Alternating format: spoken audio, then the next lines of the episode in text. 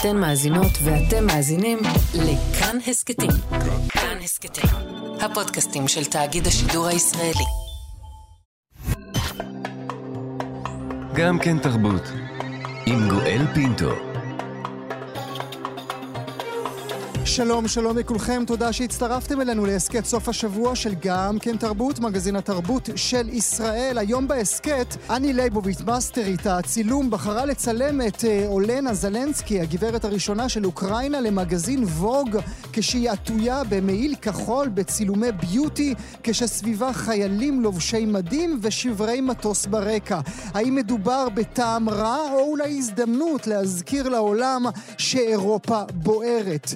גם על מחאה ששוטפת את הרשתות החברתיות? האם השחקנים שעוטים על גופם חליפת שומן כדי לגלם תפקיד הם למעשה שמנופובים שמחזקים את האפליה נגד שחקנים ושחקניות במידות גדולות? וגם על אנה נטרבקו נדבר, מגדולות זמרות האופרה בעולם. היא הוחרמה בכל בתי האופרה המובילים בעולם, אבל אלינו, לישראל, היא מגיעה. נדבר על העולם שסגר דלת ועל ישראל שפותחת אותה. עורך המשדר אייל שינדלר, על ההפקה נועה רוקני, בצוות התוכנית ענת שרון בלייס, אבי שמאי ובר בלפר. האזנה נעימה. גם כן תרבות. תחת הכותרת דיוקן של אומץ, יושבת הגברת הראשונה של אוקראינה, האדריכלית והתסריטאית אולנה זלנסקי, רעייתו של נשיא אוקראינה ולדימיר זלנסקי, על מדרגות הפרלמנט האוקראיני, מאחוריה עמודי שיש, כדרכם של מונומנטים אירופיים, רק שסביבם שקי חול שנועדו למנוע פגיעה. כך בחר מגזין ווג להציג את זלנסקי לעולם בכתבה ובעיקר צילומים שמעוררים שיח רב, אפילו כעס. שתי תמונות מתוך הרבות שצילמה המאסטרית אני ליבוביץ עומדות בלב הסערה. האחת, כשהזוג הנשיאותי עטופים זה בזה, נראים כמו פרסומת למותג יוקרה. השנייה, אולי הגרועה מכולם, כשרעיית הנשיא מצולמת עטויה במעיל כחול, שערה מתבדר ברוח, סביבה חיילים עטויי מדים, ברקע שברי מטוס. האם התמונות נעשו בטעם רע? האם כך אמורה להיות מוצגת הגברת הראשונה של אומה שנלחמת על חירותה? או אולי דווקא אלה, צילומי הביוטי שמתחזים לצילומים תיעודיים, הם אלה שיצליחו להזכיר למערב שמלחמה מתרחשת באדמת אירופה. נדבר בכך עכשיו, נעשה זאת עם הצלמת ורדי כהנא. בוקר טוב ורדי. בוקר טוב, גואל. ונברך אה, לשלום את הכתבת והסופרת שירה ברויר. בוקר טוב, שירה. בוקר טוב, גואל. ורדי, אני, אני מהצד של טעם רע מאוד, ואת תגידי לי למה את חושבת שאני טועה. אני לא חושבת שאתה טועה, אבל לקח לי אה, זמן לנסח לעצמי מה אני מרגישה. כי העמדה שלי היא מורכבת, אני בעיקר הרגשתי מבוכה mm. מול סט הצילומים הזה. ואני חייבת להפריד בין הזלנסקים לבין ווג ולייבוביץ'. אלה שתי, אה, אה, אלה שני צדדים mm-hmm. שיש להם אינטרס אה, כמובן משותף. אז בואי נתחיל בזוג המל... הנשיאותי, אוקיי? אז בסדר, אז אני, אני אומרת שברור מאליו שהזלנסקים יעשו את הכל כדי לא לרדת מסדר היום של המערב. וזה מתחיל לרדת, זאת אומרת, יש כבר עניינים אחרים כן. יותר דחופים, mm-hmm. והמטרה שלהם להשפיע על דעת הקהל האמריקאי, mm-hmm. האמריקאי, זה הדגש. ואחרי כל המהלכים הדיפלומטיים של זלנסקי מאז פריצת המלחמה, ואחרי זה שהגברת זלנסקי כבר נפגשה עם ביידן, ונאמה נאום מרגש בקונגרס, הם מנסים לפנות אל הרגש, אל דעת הקהל של המערב, והפנייה הזאת עוברת גם במגזין ווג. אבל את זה אני מבין, אבל ה beauty shots? אז, אז זהו. אז אה, פה גם כן יש לי בעיה, כי אני מחלקת את זה לשניים. אני חושבת שאנחנו בכלל לא מגיעים לרמה של להיות שיפוטיים כלפי הזלנסקים. האנשים האלה נמצאים במלחמה על החיים שלהם literally, ואני לא שופטת אף אחד שעושה הכל, במובן של הכל, כדי להינצל ולהציל את העם שלו. אז אני שמה אותם בצד. אני רק רוצה להזכיר עוד דבר אחד, אה, לפני שאני מדברת על לייבוביץ', שהזלנסקים הם בני 44, גואל, הם צעירים מאיתנו. והם גם יפים נורא, זה לא אשמתם שהם נורא נורא נורא יפים. נשים בצד את זה שהם יפים. תפיסת התקשורת שלהם היא אחרת, הם צעירים, הם הרבה יותר משוחררים מרוב מנהיגי מזרח אירופה. וזלנסקה מספרת בריאיון שקראתי אותו במיוחד כדי, אה, בכל פרט, כדי, אה, לכבוד הריאיון איתך, אז היא מספרת ששניהם היו בני 11 כשחומת ברלין נפלה. ובחטיבת הביניים, כשאוקראינה קיבלה את עצמאותה ב-91. Mm-hmm. זאת אומרת, אירוסמית וה, והביטלס היו פס הקול של גיל ההתבגרות שלהם, היו טינג'רים בימי mm-hmm. האחרונים של mm-hmm. ברית המועצות, זה. נורא חשוב. אז, אז, אז מבחינתם העולם התחיל להתפתח עבורם כשהם היו ילדים, לכן גם הפלישה לא, של רוסיה לאוקראינה בפברואר הכתה את כולם בהלם. עכשיו, אה, הם שידרו נורמליות, שהיא מדברת על געגועים לחיים ש, שלהם לפני הנשיאות. לא, אבל אנחנו מלחמה. חייבים לדבר, ורדי, על הרדוקציה לתמונות מלחמה. מלחמה נכון. זה דבר מלוכלך, מלחמה זה, זה אנשים מתים, מלחמה זה אנשים רעבים, זה בניינים הרוסים, זה מוסדות תרבות שלא יקומו יותר, והגברת מופיעה עם מעיל כחול שאולי של מותג, אני לא יודע, אני לא מבין לא, בזה. א', א', המותגים זה חלק מהעניין, המותגים הם כולם, אה, שירה בטח תדבר על זה, המותגים הם כולם כמובן מקומיים אה, אוקראינים, ואני חייבת להגיד רק שצריך גם עוד את הפרט הזה לפני שאנחנו מכסחים אותה לגמרי, אה, מהצד של ווג, יש גם מסורת לא כתובה שעיתוני נשים מביאים את הזווית שלהן בזמן מלחמה, אוקיי? זה היה גם בתקופת מלחמת העולם השנייה. אני רוצה להזכיר לך, דיברנו לפני איזה שנתיים על הצלמת לי מילר, אתה זוכר? והיא למשל עשתה סדרת צילומים ענקית על נשים שעבדו, בח... ש... שהחליפו את הגברים בתפקיד שלהם בחזית. אז, אז צריך גם לחשוב על הכיוון הזה, שבתרבות של המגזין האמריקאי, גם הדבר הזה קיים, זה לא אה, משהו יוצא דופן. עכשיו, אני, אני מוכנה לדבר על, ה, על, ה, על הרדוקציה. על, על הרדוקציה. אבל נשאיר את זה רגע. אני מעניין אותי okay. אוקיי. לשאול את שירה, ברשותך, במובן אישי, שירה, כמו okay. כן. שאת שומעת אותי וכמו שאנחנו מכירות הרבה מאוד שנים, האם אני גזען כלפי יופי? האם ראיתי אישה יפה ופתאום זה נראה לי נחות? אמ, תראה, מה שאתה רואה, אתה רואה. אני רואה, אני יכולה להגיד, אישה יפה. שהרבה מעבר ליופי, היא רוצה להשמיע את קולה ואת קולם של נשים בכלל, בגלל שאני גם קראתי את הרעיון לכבוד הרעיון הזה איתך, ו, ו, והיא אומרת, ובצדק, כל הזמן אומרים, ביידן אמר ככה, פוטין עשה ככה, אה, זלנסקי עשה ככה, ואיפה הנשים? חצי אה, מהאנושות. Mm-hmm. אה, איפה, איפה הקול הנשי שמייצג אישה ואימא וראיה ובת ו... ואף אחד, והן לא ממקבלות ההחלטות, הרי אתה בטח מכיר את, ה, את האמרה, אה, מה היה קורה אם נשים היו מנהלות את העולם. סביר להניח שזה היה נראה אחרת. אז הגיע הזמן, ובטח בעקבות מה שוורדי אמרה, כמה הם צעירים, כמה הם גדלו כבר באולי אווירה אחרת, היא אומרת לאורך כל הרעיון שהם פשוט לא האמינו כשזה קרה, שהם היו בכלל בהלם. בכל התקופה הראשונה היה להם קשה לעכל שזה מה שקורה.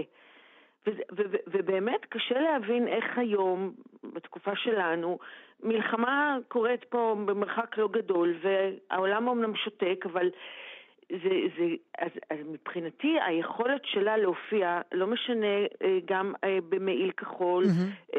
וגם על דפי אבוג וגם כאילו כמו פרסומת, mm-hmm. צריך לזכור, זה לא פרסומת, זה לא, לא, היא לא מוכרת שום דבר חוץ מאת הצורך שלה להציג את הקול האנושי, השפוי, הנשי של, סליחה, אנשי, ילדים פה נהרגים, יש פה מלחמה. זה לא, אי אפשר לתת לזה לקרות. Mm-hmm. יש פה משהו נורא אנושי, שהוא מעבר לכל הדימויים ולכל התדמיות. ועם הידע הרב שלך, שירה, תני לי את הצד של ווג. מה ווג רצו? תראה, ווג זה דווקא, אני מאוד מעריכה את העניין הזה. ווג, ובכלל הטענה כלפי עולם האופנה שהוא מנותק mm-hmm. ומנוכר, ווג בעצם מראה לנו שהוא אה, ערני לגבי מה שקורה. זה כאילו, אפשר להיות נורא ציניים לגבי זה, אבל אני דווקא שמה את הציניות בצד, ואני אומרת שכמו שהווג אה, נתן שער לקמלה אה, האריס כדי להציג... אה, פוליטיקאית שחורה ואתה יודע, בת תערובת כזאת בממשל החדש. כמו שהוא נתן מקום לכל נשות, נשות הנשיאים אה, באשר הם, הוא נותן מקום גם לזלנסקה אה, בטיימינג הנכון ובהקשרים הנכונים. זאת אומרת, הציניות היא, היא מיותרת פה לדעתי. ווג עושה מעשה אה, אקטואלי. ומה יותר, יותר אקטואלי מזה? מאשר הגברת באמת... הראשונה של אוקראינה. כן, אז אולי, כי, אז... כי בדרך כלל הוא באמת מנותק. אז, אולי אה, נשאל כאן ורדי על הרדוקציה. אי אפשר uh, שלא כן. לחשוב על uh, אני לייב, אני לייבו-, כן. לחשוב על מי שהייתה בת זוגה לאורך שנים, סוזן סונטאג. שאם היא הייתה חי... שאיתי נסע לסרייבו, ואם היא הייתה חיה... שם אחרת לגמרי. זהו, אם היא הייתה חיה, סוזן סונטאג... קשה לי להאמין שלא היה ריב בבית. הייתי אומרת שלא היה ריב, כי היא הייתה מצלמת אחרת, חד משמעית. כי איך היא צילמה? תזכירי לנו, ורדי, כשהיא הייתה עם אשתה שם. אה, אני לא רוצה להיכנס לפרט הזה, כי אני לא, לא, לא זוכרת פשוט אם הם, הם נהיו זוג לפני או אחרי, mm-hmm. או בגלל המפגש בסרייבו, אבל אני ליבוביץ' הגיעה לבד לסרייבו והיא פגשה אותה שם. Mm-hmm. והיא תפסה טרמפ על, אה, על אה, אה, מטוס של או"ם, בגלל שאי אפשר היה להיכנס לסרייבו הנצורה, והיא עלתה עם תרמיל קטן עם שתי מצלמות קטנות, עם 35 מילימטר, אחת והשנייה הייתה 6-9, לא משנה, פורמט בינוני, אבל שתי מצלמות קטנות, ו... והיה לה פלאש קטן שהיא זנחה אותו מהר מאוד כי העיר הייתה ללא חשמל, וככה היא, היא, היא גם בצילומי הפנים, היא העדיפה להתמסר לאור חלון במקום לייצר אותו. היא ייצרה את, את התאורה המלאכותית הזאת בצילומים של הזלנסקים, אתה מבין? Mm-hmm. עכשיו, בסרייבו היא צילמה גופות של ילדים ונשים בחדרי המתים, והמוות שם היה כל כך תכוף ומקרי, שבאחת הפעמים נחתה פצצת מרגמה ממש מטרים ספורים לפניה, ופגעה ישירות בילד שרכב על אופניו. Mm-hmm. הצילום בשחור לבן של האופניים המוטלות עם ה... עם השובל דם כן, הזה שנמרח כן. על הכביש, אה, הפך לצילום איקוני. עכשיו, אה, והיה לה עוד צילום מאוד חזק של גבר שחופר קבר טרי בבית הקברות, שהיה במגרש הכדורגל באיצטדיון האולימפי של משחקי חורף 84.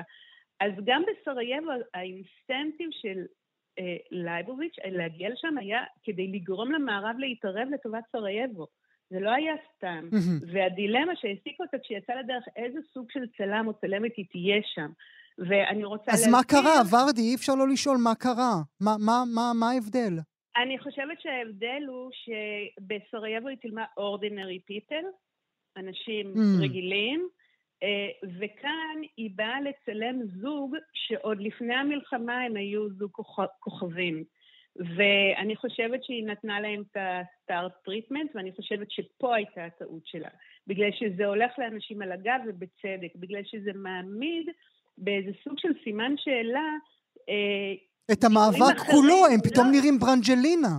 לא, לא, זה, זה אני, אני לא יודעת, אבל אני חושבת, את יש דימויים אותנטיים מהמלחמה, mm-hmm. ופתאום אה, אה, כל מי שמסביב יכול להגיד, אה, בטח גם זה פייק, תראו איך אה, הכל מבוים והכל mm-hmm. אה, מתוזמר. ו- וזאת הבעיה, ההתייפייפות של המלחמה. אני לייבוביץ' מדגמנת לנו מלחמה. היא לא מתעדת מלחמה, וזאת הבעיה. ואתה יודע, אני כמובן שאומרת, מנסה לשמור על צניעות בביקורת שלי, אבל באמת הביקורת היא כלפי ווג ולא כלפי הזלנסקים, כי חייבים להזכיר שיש הבדל מאוד גדול בין מי שבא מבחוץ לבקר, נוגע, מה שנקרא touch and go, mm-hmm. בא מצלם, עושה את הדבר שלו והולך, לבין מי שנשאר בתוך ה... אה, אה, החיים הקשים האלה ויעשה הכל כדי, גם במחיר של אה, בימוי כזה, mm-hmm. כדי לשמור על קשר עם המערב שינסה להציל אותו. מעניין. שירה, מדגמנת מלחמה בעינייך גם? אה, שוב, גם אני לא יכולה לשפוט את זה, וווג יש לו את המקום שלו כמי שמתעד תקופות ונשים, אה, נותן לנשים מקום ומנסה גם להוסיף תמיד את הזוהר שלו על כל דבר, אה, כי זוהר מושך וזוהר מגיע לקהלים שאולי לא רואים hard news ולא מעניין אותו מה קורה אתה יודע, במקומות אחרים, ולכן יש ערך מסוים, אני מתארת לעצמי, גם בסוג ההתייפייפות הזה, כשהוא בא לשרת מטרות נעלות כמו אה, לתת במה mm-hmm. לאנשים שנמחצים תחת אה, פוטין. אה, וכמו שאמרת, הם יפים, ודבר נוסף זה שהיא גם אמרה שהיא מצטלמת רק עם הבגדים של המעצבים האוקראינים, שגם הם, עם כל הציניות שבדבר כביכול, מתגייסים כדי לקדם את ה... להשמיע את הקול של, של אוקראינה ולקבל mm-hmm. תמיכה. זאת אומרת, יש איזה מאמץ, אני גם קראתי את זה בכתבה, מאמץ מאוד מאוד uh, כולל של כל התחומים וכל ה... כל הסקטורים להתגייסות לטובת ה... לפחות, מילה לסיום שלך, ורדי, כן. אני, אני רוצה להגיד שתי מילים. הראשונה זה שבאמת למי שלא אה, אה, זוכר, סוזן זונטג אה, היא זאת שכתבה את הספר אה, להתבונן בסגלם mm-hmm. של אחרים, שעוסק mm-hmm. בדיוק בדיון של הפרק. Mm-hmm. האם החשיפה האינטנסיבית שלנו בכל המדיות למראות של הטבח וההרס מזעזעים אותנו, או שהם שוחקים את הרגשות שלנו עד לאדישות? Mm-hmm. ובמה מתבטאת האמפתיה שלנו כלפי אנשים שסובלים במלחמות שהן זרות לנו? במקומות מרוחקים, mm-hmm. וצריך לזכור את הדבר הזה.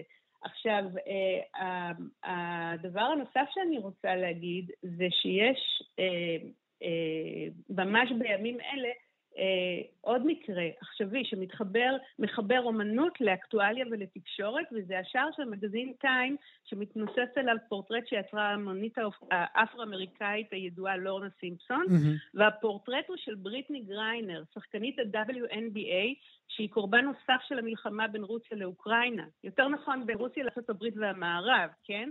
גריינר נמצאת במעצר מאז תחילת המלחמה על עבירת סמים לכאורה, mm-hmm. כן, תפסו אצלה mm-hmm. בקבוקון עם שמן קנאביס, והרי ברור לכל בר דעת שהיא אסירה של פוטין בת ערובה מול האמריקאים.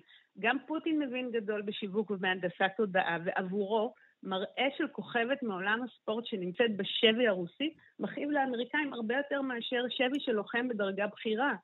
אז בריטני גריינר היא ספורטאית אולימפית, פעמיים זכתה במדליית זהב כשהיא ייצגה את ארצות הברית, והיא מוכרת כמעט בכל בית באמריקה ובהרבה מקומות בעולם, ולא רק פריקים של, mm-hmm, של כדורסל mm-hmm, חרדים לגורלה. Mm-hmm. אז הרשעות של פוטין במהלך הזה כולה שייכת למגרש המשחקים שאנחנו מדברים עליו, של שיווק ועיצוב תודעה. לכן אני סולחת בהכל. לזוג המלכותי אה, זלנסקי. אם אתן סולחות גם אני סולח. ורדי כהנא ושירה ברויר, לעונג רב, תודה שהייתן איתי הבוקר. תודה רבה, גואל. גם כן תרבות. צילום אחד שהופץ השבוע מביא לשיח לוהט ברשתות ולכעס רב. מדובר בצילום של השחקן ברנדן פרייזר, כפי שהוא מוצג ב"הלוויתן", סרטו של דארן אהרונובסקי, שיפתח את פסטיבל הסרטים בוונציה. פרייזר מגלם בסרט גבר שמנסה לחדש קשר עם בתו המתבגרת, שנים לאחר שעזב אותה ואת אמה לטובת חיים עם גבר. גבר בינתיים מת, דבר שהביא את הגיבור לאכילה כפייתית. עד כדי שהגיע למשקל של 270 קילוגרם. כדי להגיע לאפקט הגוף, עטף אהרונובסקי וצוותו את פרייזר בתותבות ובחליפת שומן. זה המעשה שלמעשה הוביל לכעס. אם הייתם נותנים הזדמנות לשחקנים שמנים, לא הייתם צריכים להלביש את השחקנים בחליפת שומן, כך נכתב ברשתות. המחאה נגד אהרונובסקי בפרייזר מגיעה זמן קצר אחרי מחאה שכבר הייתה נגד יוצרי הסדרה הכל אודות פאם, שיוצריה הלבישו גם הם את השחקנית רנה זלווגר בחליפת שומן. השנה היא 2022, נכתב אז ברשתות, ושחקניות צנומות עדיין מגלמות דמויות בחליפת שומן במקום ללהק שחקנית במשקל מתאים. אז האם השימוש בחליפת שומן הוא למעשה שמנופוביה שמחזקת את האפליה נגד שחקניות ושחקנים במידות גדולות? והאם אנחנו עומדים בפני מה מהפכה, כמו זו שאסרה על שחקנים לבנים לגלם דמויות שחורות, וכמו זו שדיברה בגנות שחקנים סטרייטים שגילמו נשים אה, טרנסיות. נשאל ונדבר עם המלהקת אמירה בוזגלו. בוקר טוב, אמירה. בוקר טוב גואל, מה שלומך? קודם כל האמירה הערכית שלך, איפה את עומדת אל מול המאבק הזה? אני חייבת לומר שבדיוק ממש בחודש, חודשיים האחרונים, אני בדיונים סוערים עם יוצרים ועם במאים ש... אה, שמצאתי את עצמי אה, בעצם בשני צידי המתרס. אני חייבת לומר שהמחאה הזאת היא מחאה מאוד מאוד מאוד חשובה, אבל לפני שאנחנו מגיעים לנושא כמו שמנופוביה בקולנוע, אני חייבת להגיד שזה פוגש אותנו, כלומר, בהרבה מקומות. השיח קודם כל התחיל דווקא מארצות הברית mm-hmm. לטובה. Mm-hmm. כלומר, אתה הזכרת בדיוק את המחאה שמדברים בארצות הברית על שמנופוביה בקולנוע, אבל מה שמדהים, שהם עוד לא הגיעו לשם, אבל למה הם כן הגיעו? לתופעת, למשל, כמו שדיברנו על ה blackface שהזכרת אה, בתחילת דבריך. שזה ביג נו נו, את זה אף אחד לא עושה יותר. כלומר, לקחת שחקנים לבנים, לבנים לצבוע את פניהם לשחור, זה הדבר הכי לא politically correct לעשות, וגם לא יעשה יותר. כלומר, לא, לא, לא ייתנו לזה יד בהוליווד בוודאי. אה, אה, אני כן יכולה לומר שקרו לי שני פרויקטים לאחרונה, ולשמחתי אה, אני עובדת גם הרבה עם חו"ל וגם עם קו-פרודוקציות שמתקיימות גם עם אירופה וגם עם ארצות הברית, והיה לי פרויקט אחד שבו היינו צריכים בעצם שהתפקיד הראשי יגולם אה, וזאת הייתה התלבטות. אה, אה, מה היה כתוב על הנייר? מה היה בתסריט? אישה גדולת ממדים? לא, דווקא אישה טרנסית, והייתה אוקיי. מאוד מאוד שאלה קשה. איך לוקחים בעצם אישה טרנסית לגלם תפקיד כזה, והאם בעצם אנחנו לוקחים באמת אישה טרנסית, או שחקן או שחקנית סטרייטים, כלומר שנכנסים לתוך הדבר הזה. ואני יכולה להגיד ש- ש- שהיום, באמ... שהיום באמריקה, אמירה, גם זה ביג נו נו, גם, גם את זה הם לא יעשו יותר. בדיוק, בגלל שזאת הפקה משותפת mm-hmm. של ארצות הברית וישראל, אה, וגם באג'נדה שלי, אה, החברתית, פמיניסטית, אה, וגם קווירית, אני אגיד, אני יכולה להגיד שבמקרה הזה אני ממש, לא אגיד נעמדתי על רגליי האחוריות, כי כמלהקת אני עובדת תמיד mm-hmm. עם במאים ולטובת במאים ומסבירה להם את הדרך, אה, כמה זה גם נכון להם. עכשיו, הדרך הקלה ליוצרים ול, ולבמאים זה בוודאי לקחת את השחקן שהם ראו שקל להם לעבוד איתו והכול, אבל יש דברים שאי אפשר יותר לעשות. אם, כמו שאמרנו שלא נצבע אה, שחקנים לבנים אה, וניתן להם לשחק תפקיד של מישהו שהוא כהה עור, אי אפשר היום לקחת בעצם אישה, או בוודאי לא גבר, שיתחפשו mm-hmm. במרכאות mm-hmm. ויהיו טרנסים. Mm-hmm. ואני יכולה להגיד שפשוט נאלצתי אה, לעצור את הליהוק לחצי שנה ולעבור את כל הטרנסיות בערך שנקרו בדרכי בישראל, על ידי תחקיר והכל. ולקחת גם כמובן, אה, כי אתה יודע, אה, כמות הטרנסיות שיש בישראל, שהן גם שחקניות והכל, היא מאוד מאוד קטנה, אנחנו מדינה מאוד קטנה, mm-hmm. ואז אה, כמובן עברתי כבר, אה, גלשתי כמובן לעולמות ה street cast, מה שנקרא. כלומר, לקחת אנשים שהם לא שחקנים, non actors, mm-hmm. ולהכשיר אותם. וזאת הייתה דרך מאוד מאוד ארוכה, אבל היא היום, אי אפשר לעשות אחרת. אבל היכן עובר הגבול. האם כבר הגענו... אני, אני, אני, אני, אני, אני רק אמנה בפני המאזינות והמאזינים עוד מקרה שקרה בשבועות האחרונים, טיפה יותר משבועות, כמעט חודשים, וזו הייתה מחאה מאוד גדולה בבריטניה, שם, בבר... שם אה, הועלתה אה, הצגה אה, שכל כולה עוסקת ביהודים, וכל השחקנים, כל הקאסט הוא לא יהודי, ואז שחקנים יהודים אמרו, רגע, איך בכלל שחקן שאיננו יהודי יכול לגלם תפקיד של יהודי. עכשיו, אתה אומר לעצמך, רגע, אלן מירן לא יכולה לגלם את גולדה מאיר? אז אני הולך... חייבת, אז אני חייבת להגיד, נגיד שפה אני חלוקה. ואני גם, וגם אני לא, אני לא יכולה להגיד שיש לי דעה מוצקה שאני יושבת ואומרת, זאת הדעה שלי ואני לוחמת למענה. אני Mm-hmm. אגיד לך שממקום אחר, אה, הייתה לי עכשיו ממש סדרה, שהייתי, שהבנתי, כלומר, את הרצון, כי זה גם שיתוף פעולה עם ארצות הברית, לקחת האם שחקנית בעצם צריכה להיות, אה, כלומר, אם היא כתובה בתסריט אה, אה, עם נטייה מינית, למשל, במקרה הזה להיות לסבית, או שחקן שהוא בעצם מגלם גיי, האם הוא חייב להיות גיי? Mm-hmm. במציאות, mm-hmm. האם סטרייט יכול לגלם גיי או לא? אז גם בזה בארצות הברית יש יש היום כבר מחאות בנושא. Mm-hmm. מצד שני, סטרייטים ממשיכים לגלם אה, אה, אה, אה, להט"בים, mm-hmm. אבל אני חייבת להגיד שפה אני, אני חלוקה ולא שלמה עם זה. כי אני אגיד מה הבעיה. מצד אחד, אני אומרת, בטח איזה יופי שאנחנו במקום כזה, שבטח כשיש דמויות קוויריות, בוא ניתן. בוא ניתן, בוא ניתן להם מקום.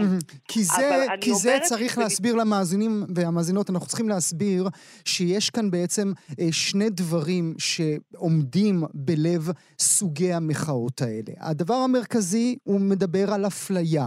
ברגע שאתם לוקחים שחקן סטרייט שיגלם אה, אה, נכון. דמות טרנסית, אתם בעצם שוב משאירים בצד את השחקניות הטרנסיות שקיימות ולא נותנים להם מקום. בדיוק. הדבר השני, וזה גם מאוד חשוב, כי אנחנו הרי מכירים קצת את ההיסטוריה האודיו-ויזואלית גם בטלוויזיה וגם בקולנוע, וזו ההגחכה. הרי כולנו יודעים שכאשר אה, אה, מוניקה בחברים לובשת את חליפת השומן שלה, זה כדי לצחוק על אנשים שמנים, כדי להגחיך אותם.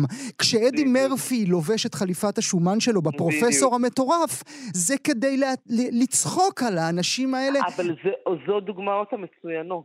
בעיניי, חייבים ליצור את הדיפרנציאציה בין מוניקה, שמגחיכה בעצם את הנשים השמנות, את המשמעות בעצם מה זה להיות פלאס סייז על המסך, ובעצם את מוניקה שהייתה דחויה, שזאת שלא אהבו אותה, שזאת שלא היה סיכוי שבכלל אה, אותו בן זוג ישים עליה, ובסופו של דבר כשהיא רצתה, אוי, איזה כיף, היא משוחררת, mm-hmm, היא קלילה, mm-hmm. והיא יכולה לצחוק בהומור על חיי העלובים לפני כן. Mm-hmm. פה זה ממש לקחת אוכלוסייה שלמה ולהגיד, תסתכלו הקהל בבית, אם אתם לא במודל היופי הזה, אין לכם מקום, אין סיכוי למצוא זוגיות. כל מה שנשאר לך זה רק לצחוק על עצמך ולהיות עם הומור. Mm-hmm. אבל כשאנחנו מדברים על דמויות להט"ביות והכול, אני חייבת להגיד שאני לא שלמה בוודאות. אני אומרת, כן, צריך לתת מקום לזה, אבל בסופו של דבר, מה? אה, בסופו של דבר להט"בים לא יכולים לשחק סטרייטים? כל עוד יש אמינות על המסך... אבל אנחנו צריכים לשאול את העניין, גם מעניין האמינות, אוקיי? ואולי אני אפרוס, אולי אני אפרוס דוגמה לא נוספת. אולי אני אה, אפרוס ברשותך דוגמה נוספת. כשאנחנו רואים את טופול אה, עושה תפקיד נהדר בתור סאלח שבתי, אני כמזרחי מתכווץ כולי. לא נכון. לא יכול לסבול את הסרט הזה, לא יכול לסבול את ההגחכה של טופול לתפקיד של סאלח, אז מה? אז טופול לא יכול לעשות את סאלח?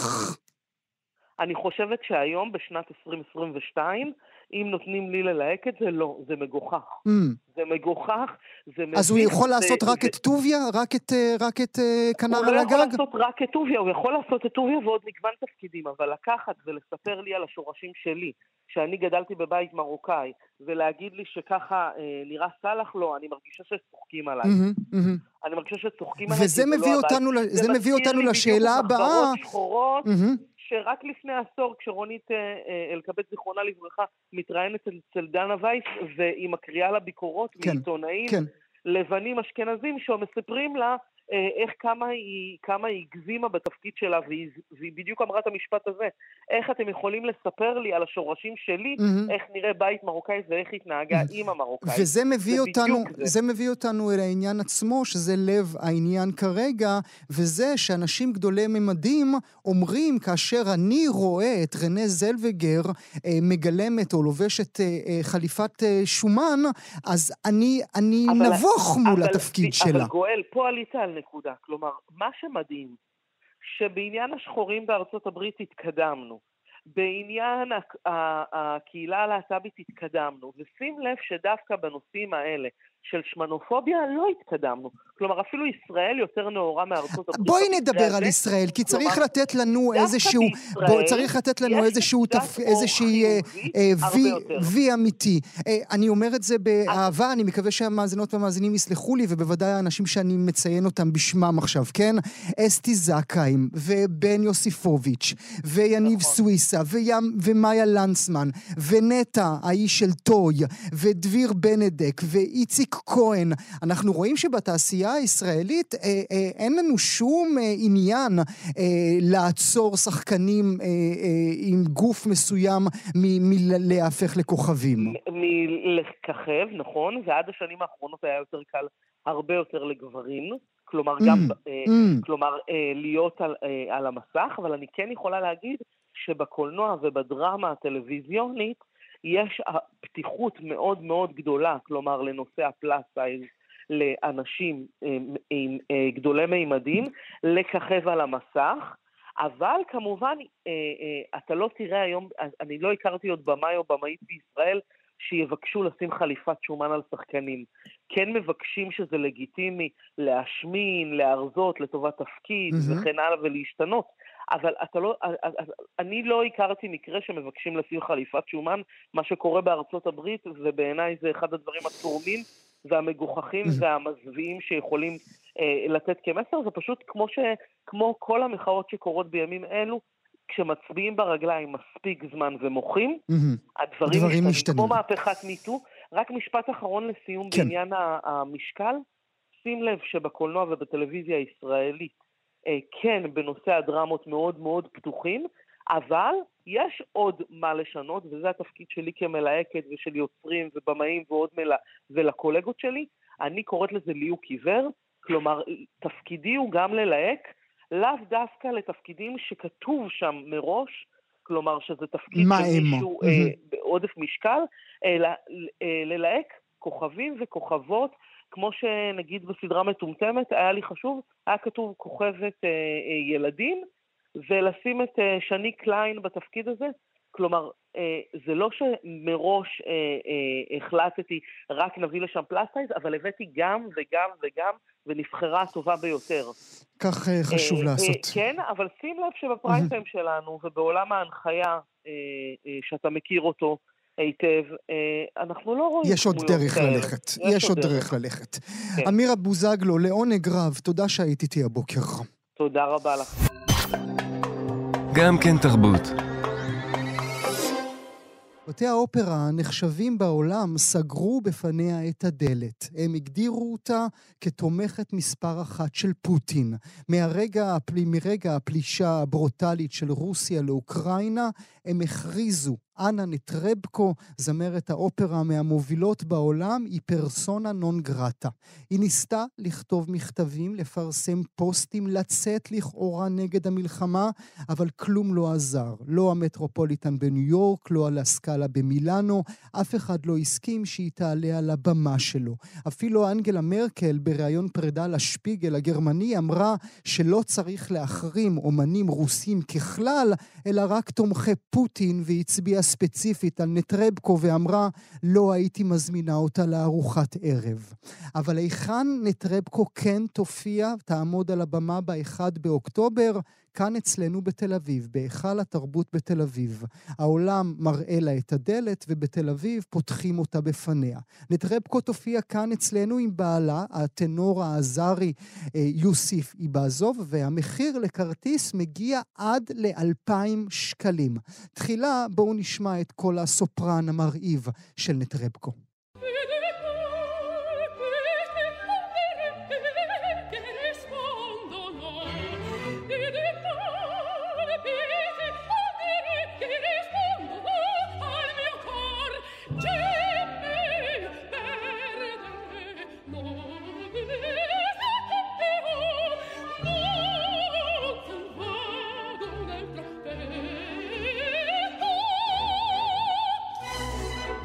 אתם אה, שומעים את נטרבקו, היא שרה את הנשיקה של אה, לואיג'י ארדיטי בחגיגות 250 שנים לארמיטאז'. נדבר על מה אומר על כך שנטרבקו כאן אצלנו בישראל, נברך לשלום את נורמן לברכט, סופר ופרשן בנושאי מוסיקה ותרבות ב-BBC, בעל האתר סליפ דיסק למוסיקה קלאסית. בוקר טוב לך, נורמן. בוקר טוב, גואל. תודה רבה שאתה נמצא איתנו. מה, מה חשבת לעצמך כשהבנת שהיא מגיעה אלינו לתל אביב? היא מגיעה גם לכל מיני מקומות נידחים גם כן, אני לא אומר שתל אביב היא מקום נידחת, mm, אבל mm. Uh, בגלל שבתי האופרה הגדולים uh, נסגרו בפניה, כפי שאמרת, אז היא מחפשת, מחפשת תעסוקה במקום אחר, ובתל אביב יש בארץ קהילה רוסית גדולה שתרצה לשמוע אותה, והיא, כמו שאומרים, uh, פנויה. Mm-hmm. אז זה, אלו, אלו העובדות. השאלה היא מהן העקרונות בעניין. העקרונות, העניין העקרוני הוא כך, האם הולכים לשמוע זמרת שתומכת במשטר שעושה פשעי מלחמה. וזה, בעניין שלה זה קשה. אצל האחרים זה פשוט. אצל ולרי גרגייב, מנהל האופרה בסן פטרסבורג, זה פשוט מאוד. הוא היה מתומכי פוטין מנושאי כליו מההתחלה, הוא תמך גם במלחמה בסוריה, גם בקרימיה, גם... אצל גרגב זה מאוד פשוט, הוא תומך במלחמה הזאת, בפלישה הבלתי חוקית לאוקראינה. אצל אה, הפסנתרן ברזובסקי גם כן פשוט, הוא קרא, הוא קרא לשימוש אה, אה, נשק גרעיני באוקראינה, אז גם אצלו אפשר להחרים. אצל נטרבקו, זמרת בודדת, קצת יותר קשה. היא הייתה, אה, היא נתגלתה על ידי, על ידי גרגב בתור סטודנט לפני 25 שנה. היא היום אולי הזמרת העילאית באופרות של, של ורדי, בליריקה האופראית, ויש לה תומכים רבים בכל העולם. אה, היא ב-2014. Mm-hmm. במלחמה הקודמת. במלחמה הקודמת mm-hmm. בקרימיה, mm-hmm. היא שלחה מיליון רובל mm-hmm. כאות תמיכה לפולשים בקרימיה. Mm-hmm. Uh, כשנתיים לאחר מכן היא חתמה על uh, מסמך תמיכה בפוטין כשהוא הלך כביכול לבחירות. אז הוא, היא הייתה חלק מהממסד, ותומכיה אומרים, טוב, היא הייתה צריכה לעשות את זה, יש לה, כל המשפחה שלה ברוסיה, היא דואגת להם, אבל אלה, אלה מעשים ציבוריים, ואלה מעשים שהיא עשתה, ואלה מעשים שהיא לא... שהיא עדיין, שהיא לא יכולה להכחיש אותם. איך מתייחסים אליה היום? זו שאלה גדולה. איך מתייחסים אליה היום, נורמן, בעיקר בהקשר לכך שהיא אמרה את כל הדברים הנכונים בשלושה-ארבעה חודשים האחרונים. היא אמרה, אני לא תומכת במלחמה, היא אמרה, אני לא תומכת בפוטין. היא עשתה הכל כדי שלסקאלה יחזירו אותה לבמה. זה לא מצליח לה. אה, זה, זה, זה לא בדיוק נכון, זה חלק מצליח לה. באיטליה הזמינו אותה בחזרה. Mm. אה, בלסקאלה, בלסקאלה היא תופיעה לפני סוף השנה. ההתנגדות באיטליה אה, למלחמה באוקראינה הולכת ונחלשת. Mm-hmm. איטליה זה סוג בפני עצמה, אבל בארצות הברית, בבריטניה, בצרפת, וברוב גרמניה היא לא תופיע, וזה חסר לה. זה חסר לה לא רק מבחינה כספית, היא מספיק, היא מספיק עשירה, היא יכולה ללכת שנה, שנתיים, שלוש בלי, בלי, בלי לשיר, זה חסר לה בגלל שהיא רוצה את אהדת הקהל, היא רוצה את זה, זה כאילו, אמ, זה, זה מהווה מה שהיא, mm-hmm. ובלי זה, בלי זה היא לא יכולה לחיות, היא לא יכולה להמשיך. Mm-hmm. אז אני די מבין, ואני די שומע מהאנשים שלה, אני די מבין את העמדה שלה ואת המצב שלה. היא אמרה, כפי שאמרת, את כל הדברים הנכונים. היא, אה, היא אה, אמרה שאת הכסף שהיא שלחה לקרימיה ב-2014, זה היה בשביל אומנים שסובלים במלחמה. ואת, אה, ואת אה, סלידתה כביכול מפוטין, היא אמרה שהיא לא רוצה לגנות אותו, אבל היא לא תומכת במלחמה הזאת. היא בוחרת במלחמות שבהן היא תומכת ובהן היא לא תומכת. כן. מה הן בעניין הזה, מהם העקרונות? איך, אה, איך מוצאים קו מוסרי? אז תגיד לי, תשרטט לי, נורמן, תשרטט לי את הקו. מהו הקו שלך? היום אתה אה, בעל אה, בית אופרה נחשב. אתה מזמין את נטרבקו או אתה לא מזמין את נטרבקו? אמ, בעלי בתי האופרה, מנהלי בתי האופרה, הם אינם אנשי, אה, אנשי רוח. Mm-hmm. הם מנהלים, הם פקידים, הם אפרצ'יקים. אה, הם עושים מה שטוב בשביל בית האופרה שלהם, ואם הם חושבים שהקהל יבוא לשמוע את נטרבקו, הם יזמינו את נטרבקו. אה, יש בחלקם אנשים בעלי עקרונות, והם, והם דווקא מחזיקים את העמדה שלהם, אבל בשבילם זה יותר שאלה פוליטית מאשר, מאשר שאלה מוסרית. אני אישית לא הייתי מזמין אותה. אני לא- אישית חושב, אני, תראה, מדובר כאן בפלישה בלתי חוקית של מדינה אחת מדינה אחרת, של, של, של פשעי מלחמה שאנחנו רואים על המסכים שלנו יום-יום, שאי אפשר לחיות איתם, ואי אפשר לחיות עם מי שתומך בהם. ואם האנשים, מי שתומך בהם הוא אומן, אז עוד יותר גרוע. וזה שהיא מופיעה בישראל, uh, עד כמה שאני מבין זה המארגן פרטי שהזמין אותה, אותה שהוא רוצה להרוויח מהעניין הזה. זה ביזנס. צריך גם להגיד שהיא מנגנת יחד עם הסימפונית ירושלים, עם זה יש לך איזשהו סוג של מבוכה, שתזמורת חשובה כל כך אה, מלווה אותה? אם אני הייתי, אם אני הייתי נגן בסימפוניה של ירושלים, הייתי מסתכל חזק חזק בראי ושואל את עצמי אם כדאי להופיע אותו. אלפיים שקלים עולה הכרטיס, אה, עד, עד אלפיים שקלים. עד 2,000 שקלים. נאמר לכם, אה, מאזינות ומאזינים, אנחנו פנינו אל הסימפונית ירושלים, ביקשנו את תגובתם לעניין הזה, עדיין התגובה אה, לא הגיעה. נורמן לברכט, אני רוצה מאוד להודות לך. תודה רבה לך שהיית איתי הבוקר. גואל, התענוג שלי, להתראות להשתמע. תודה רבה. ביקשנו את תגובתם והיא אכן הגיעה. הם מוסרים לנו מהתזמורת הסימפונית ירושלים שהם תומכים בתרבות, אומנות ומוסיקה על כל גווניה, ושהם אינם מערבבים מלחמות לא לה בשיקולים שלהם. להבנתנו, אומרים לנו מהסימפונית, אנא מביעה דאגה לאזרחים בשני הצדדים. המוסיקה היא בסופו של דבר זו שמחברת ומגשרת על פערים כאלו ואחרים. ככה הסימפונית ירושלים גורסת לפחות אה, על דבריה של אנה נטרפקו. גם כן תרבות. הוא נולד ב-1964 באשדוד בשם מאיר אשל. הוא היה הבכור מארבעת אה, ילדים. רבע מאה אחר כך הוא ישנה את שמו ויהפוך לאבשלום, אחד מהאומנים הישראלים המצליחים ביותר בהיסטוריה של האומנות הישראלית. הוא לא למד אומנות, על פי עדותו אפילו את פיקאסו הוא לא הכיר, הוא תפס את עצמו כבנאי. הוא שהה בסיני בין בדואים ועם חברים על חוף ימה של אשדוד של אז. בשנת 1987, כשהוא בן 23, הוא טס לפריס לעבוד בשיפוצים ומתגורר אצל האח של האבא שלו, ז'אק אוחיון, שהיה חלק מרכזי בסצנת האומנות הצרפתית. הדוד ראה בו משהו, וכבר באותה שנה יציג אבשלום בתערוכה הקבוצתית הראשונה שלו בפריס.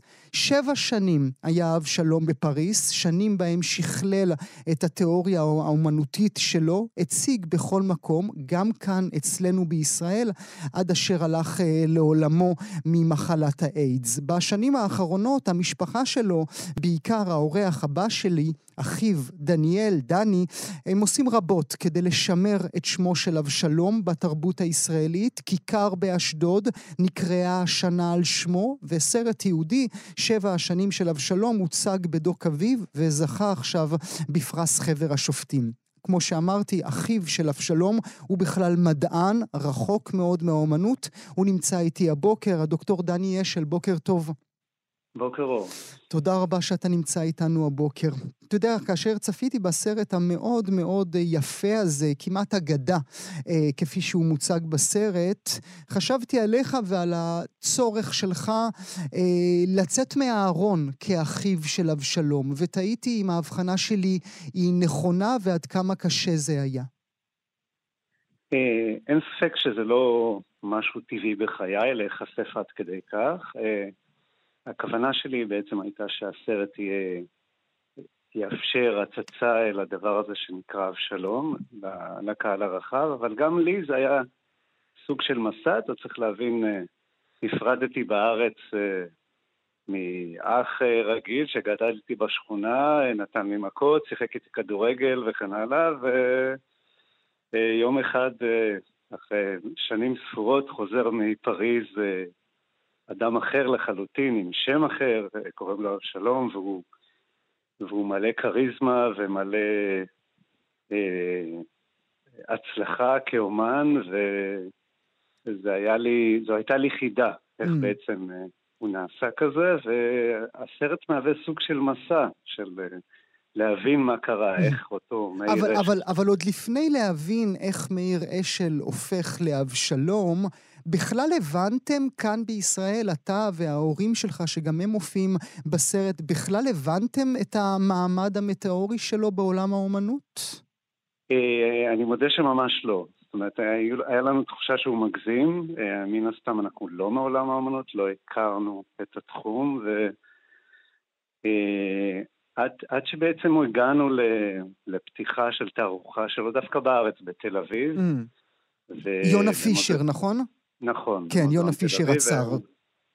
ואז, ואז מי, מי שראה את אבשלום אי פעם בפתיחה, איך הוא מדבר, ו... בשילוב העבודות מאחוריו, זו חוויה מאוד עוצמתית, ואז הבנו שוואו, יש כאן... שהוא לא הגזים. כן, כן. כן, זה לא ספק. היום, אה, אחרי המסע שאתה עושה, אה, אה, להזכיר לכולנו איזה גאון אחיך היה, אתה מבין איך תוך שבע שנים בן אדם הופך לכוכב כזה גדול? אה, אני מודה שזה עדיין קשה מאוד להבנה. אין ספק שמגיל מאוד צעיר אה, יכולת לזהות באופי שלו שהוא שונה, שהוא מאוד אמיץ, מאוד נועז, אה, ושהוא טוטאלי. זאת אומרת, הוא עושה דברים, הולך אליהם במה שנקרא בדרך הישרה. ו... אבל, אבל זה עדיין קשה להבין איך בזמן כל כך קצר הוא הגיע לטייט גלרי, לפומפידו, למקומות שהם בהם בעצם פסגת עולם האומנות. ש, ש, שהמומה נלחם כדי לרכוש את יצירת האומנות האחרונה נכון. שלו, כן? בית המקדש של האומנות המודרנית מבקש מכם, אנא, תנו לנו את מה שאנחנו רוצים. נכון מאוד. הוא, הוא היה בטופ ליסט של המומה, וזה באמת, אני חושב, חלומו של כל אומן. אה, וכן, בעצם ה... אני, אני הפקדתי את הסרט ביד, בידיהם של אה, עמית עזז ודוד אופק, הבמאים, ואמרתי להם, תעשו מזה את היצירת אומנות שלכם, mm-hmm. אני לא רוצה שזה יהיה סרט זיכרון. זאת אומרת, וזה מה שהם עשו. זאת אומרת, אני, אני הייתי משתתף בסרט, אבל זו פשוט יצירה, יצירה שלהם כפי שהם ראו את הסיפור, mm-hmm. ו, והם מאוד דייקו להבנתי, mm-hmm. הוא מאוד משקר. בעיקר, בעיקר ב, לתפיסתי לפחות, כמו שאמרתי קודם, בהגדה שהוא מספר, כי זו באמת אגדה ש, ש, שקשה אפילו להאמין לה. אה, אתה עוד אבל על אחיך, או שעכשיו אתה עובר את תהליך האבל?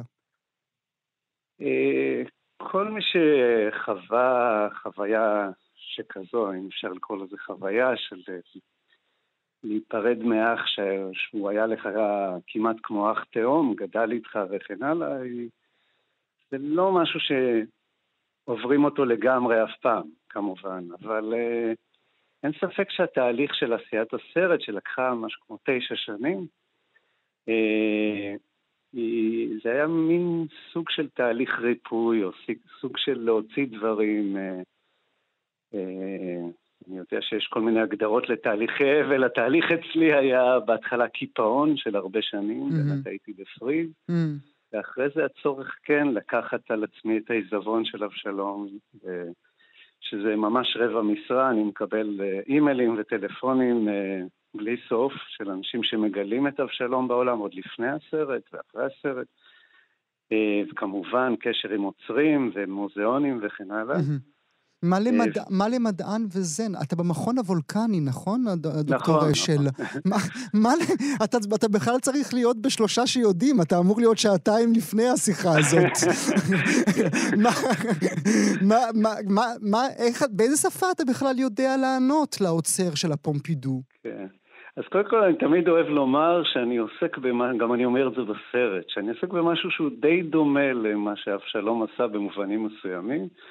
אחד הנושאים שאני חוקר אותם זה מוות תאים מתוכנת, זאת אומרת האופן שבו תאים מתאבדים אה, כחלק מתהליכי התפתחות או תהליכי התגוננות, ובמובן מסוים כשאבשלום גילה שהוא חולה באיידס והוא החל לבנות את התאים, mm-hmm. את אותם ששת mm-hmm. התאים mm-hmm. שהוא התכוון לגור בהם, אני רואה בזה איזה סוג של מוות תאי מתוכנת. Mm.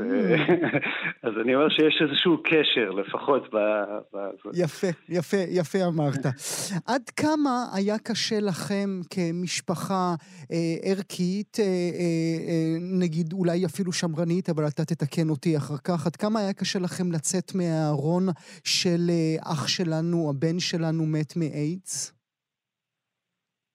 אין ספק שבתקופה שהוא, א', לא ידענו שהוא חולה, אני גיליתי את זה משהו כמו חודש לפני שהוא נפטר, כך שלא לא היה לנו את העניין של לדעת, אבל אין ספק שבתקופה שבו הוא נפטר, בה הוא נפטר מאיידס, זה, זה היה סוג של בושה. Mm-hmm. להיות חולה באיידס, זה, אה, זה התקשר אה, עם שאלות על נטיותיך המיניות mm-hmm. וכן הלאה.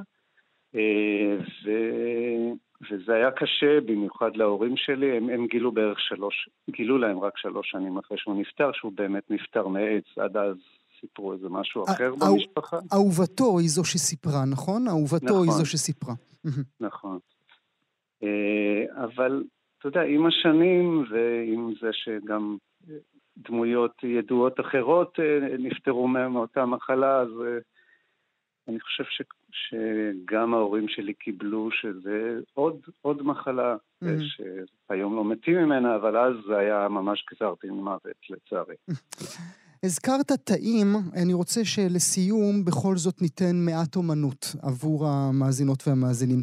אבשלום היה אומן גאון בעיניי, והוא היה אומן גאון בגלל העיסוק שלו ב-ready made, ובזכות העובדה שהוא בנה כמי שאולי אף פעם לא היה לו בית, גם כאשר גר באשדוד הוא חי על החוף, גם כאשר חי בסיני הוא חי על החוף, גם כאשר הוא חי בפריס הוא חי בחדר של דוד, אף פעם לא באמת היה לו בית, והוא בנה לעצמו, האומנות שלו, התאים שלו, הוא בנה לעצמו בתים קטנטנים, מאוד מאוד אפקטיביים, מאוד מצומצמים, כל מה שצריך, אבל אין מקום בתאים האלה לבן או בת זוג, זה רק אדם בודד.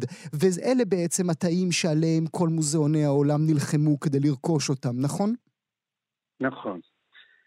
אה, בעצם כל מי שהיה בתערוכה של אבשלום ונכנס לתוך אותו תא, מן הסתם התא נבנה עבור אבשלום. במידות שלו, במידות הגוף שלו, ב, ב, ב, באווירה או בחלל מסוים שרק בתנועתיות מסוימת הוא יכול לנוע בבית שלו עד כדי כך.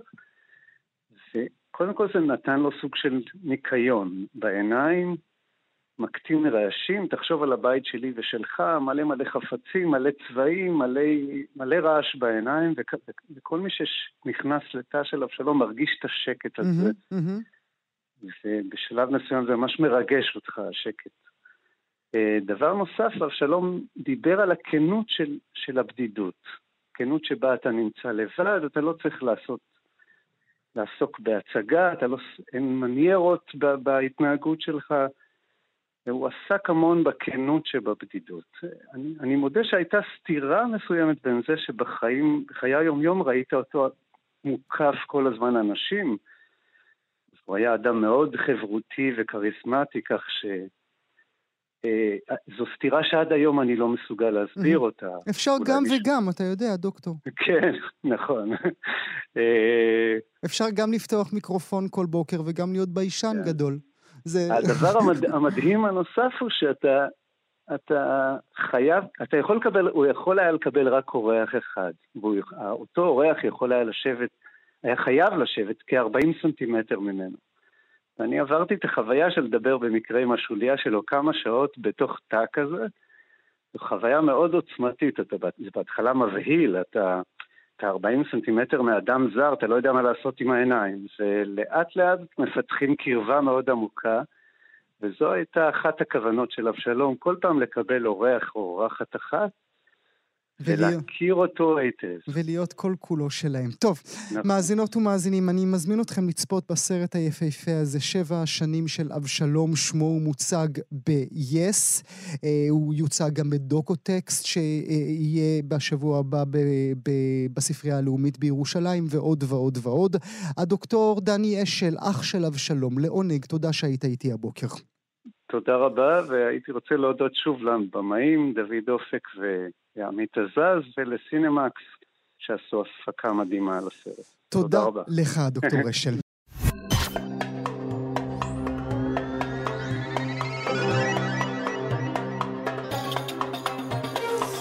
זהו, הגענו לסיומו של הסכת נוסף אה, מבית גם כן תרבות, מגזין התרבות של ישראל, עורך המשדר אייל שינדלר, על ההפקה נועה רוקני, בצוות התוכנית ענת שרון בלייס, בר בלפר ואבי שמאי. תודה שהייתם איתי, ועד הפעם הבאה, אילה לקה.